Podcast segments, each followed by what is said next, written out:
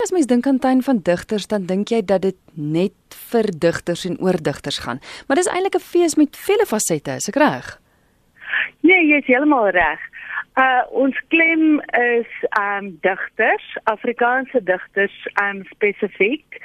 Um en digkuns in Afrikaans, maar ons werk dan met al die verskillende fasette wat uh saam met die digkuns werk. Uh ons het byvoorbeeld die kunsuitstallings, ons het musiek digkuns wat ge kom uh jy weet wat wat wat gesing word, wat gekomponeer word. Ons het animasiefilms wat dik byvoorbeeld doen wat gebaseer is op digkuns. So alles gaan om digkuns. Maar met al die verskillende fasette. Daar's kletstryn, daar's hiphop, daar's alles wat daarmee saamgaan. So dis so lekker mengelmoes om digkuns. Of van jou se tema is buite die boek. Vertel my daarvan. Lekker, nee. ja, wat ons gedoen het, ehm um, vir al Frans Valotter ons bestuurder, hy het die gedagte gehad van buite die boek. Dis om digkuns te vat na die mense toe. Jy weet dikwels gaan mense in 'n biblioteek en dan kyk na 'n digbundel dink, "Mmm, jy weet." So ons wou hierdie jaar die digkuns uit die boek uithaal en na die mense toe vat. Ehm um, dis tog so lekker om byvoorbeeld by byvoorbeeld 'n koppie koffie te bestel by 'n wegneemplek en skielik is daar 'n lyn van Antjie Krag op 'n op 'n koppie koffie op die wegneem koppie koffie. Dis daai gevoel, jy weet dit is net om die digkuns uit die boek uit te haal en na die mense toe te vat. En wat ons ook gevoel het of wat Franswa gevoel het, ons het so span wat saamwerk, is dis nie net dis Afrikaanse digkuns, maar gee dit vir 'n Engelssprekende en dan maak dit nie heeltemal sin nie. So vertaal gou daai lyn en gee dit vir hulle in hulle eie taal in Engels en byvoorbeeld isiXhosa. Ehm um, vertaal die lyn in isiXhosa. So so bereik 'n mens meer mense en maak hulle bewus van die digkuns. En ook andersom, vat die isiXhosa lyn in digkuns en vertaal dit in Afrikaans of Engels. So mm. dit is basies waaroor hierdie hele fees gaan hierdie jaar. Nou kyk die tuin speel altyd 'n besonderse groot rol as deel van hierdie fees en daar's altyd hierdie wonderlike klein verrassingkies en dinge wat mense kyk. Hoe speel die tuin weer 'n rol en wat gebeur vanjaar in die tuin?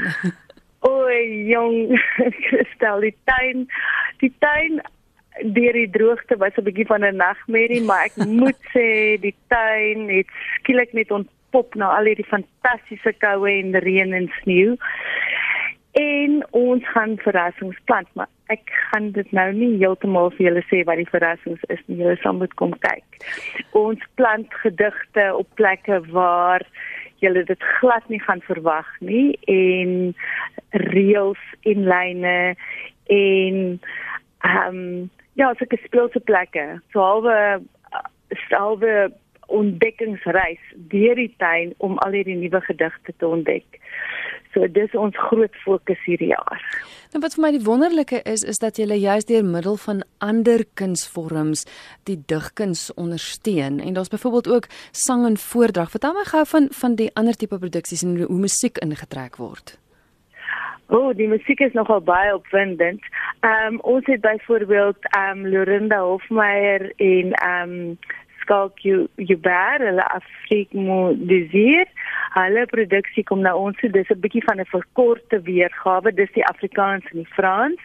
En dan staan Wilhelmine Rust.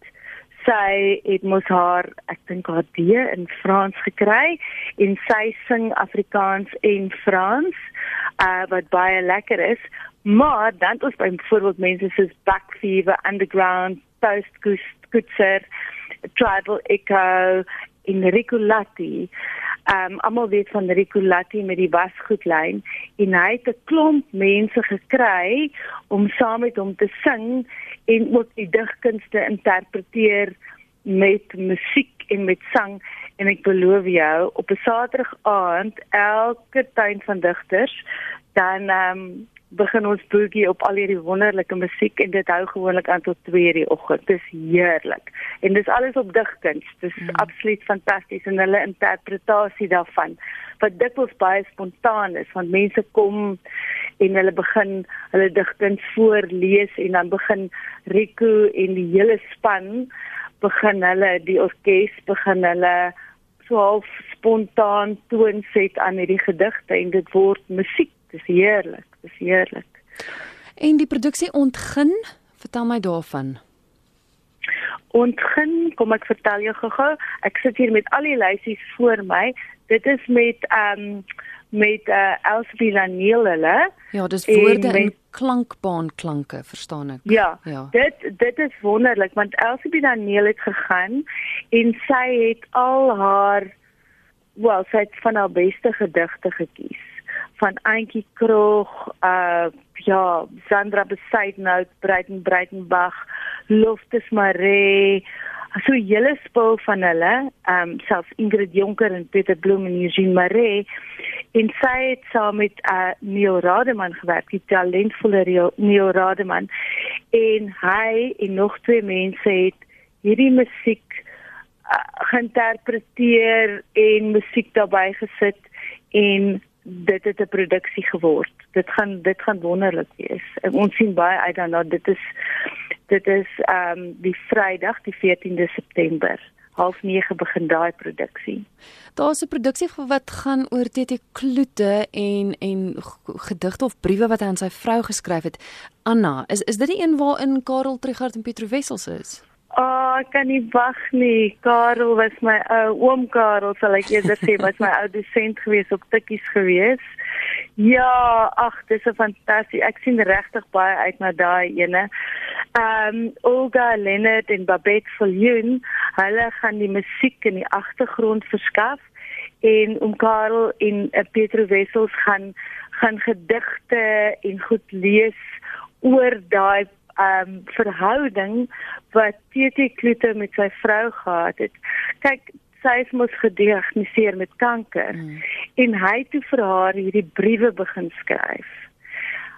En ek dit dit was emosionele briewe, maar hy het haar nooit die briewe gewys nie.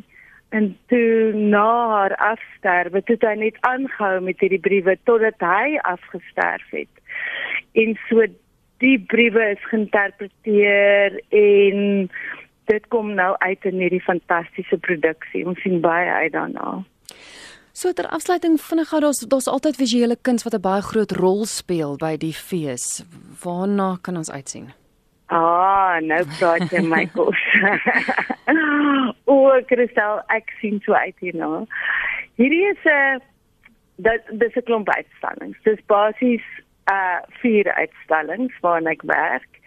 Ehm um, die hooffeeskunstenaar is Henk Serfontein. Sy uitstallingsnaam is Handskrif.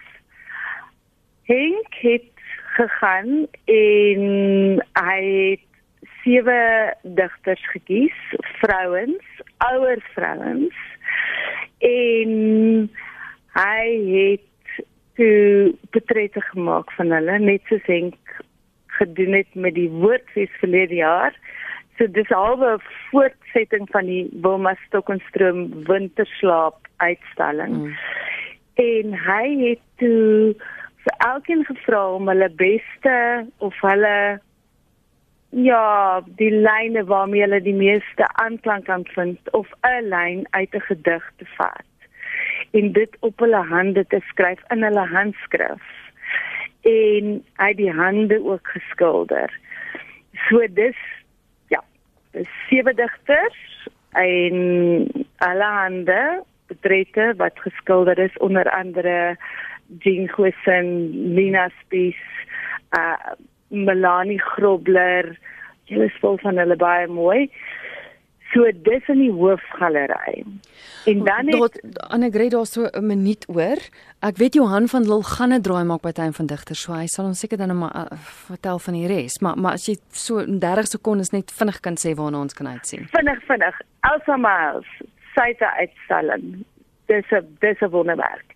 Dan is daar Dick Grobler wat uh, aan sy deewerk hy doen 'n uh, animasie ehm um, saam met Karina van der Walt uh die Parys aan Suite. Daai uitstalling gaan agter die rooi deur gebeur en dan het ek my gebruikelike 20 by 20 buite die boek uitstalling. Hoe maak luisteraars as hulle die 14de en die 15de wil bywoon? baie maklik. Gaan kyk by www.breitenbergcentrum.co.za. Die program is daar. En dan kan jy skakel vir Jessica by 021 873 2786. Jy kan kaartjies daar bespreek of by besprekings by breitenbergcentrum.co.za. Annegret, baie dankie vir die gesels. Dankie vir jou Kristel. Hmm. Dis Annegret Erasmus met wie ek gesels het oor die tuin van digters wat 14 en 15 September plaasvind in Wellington.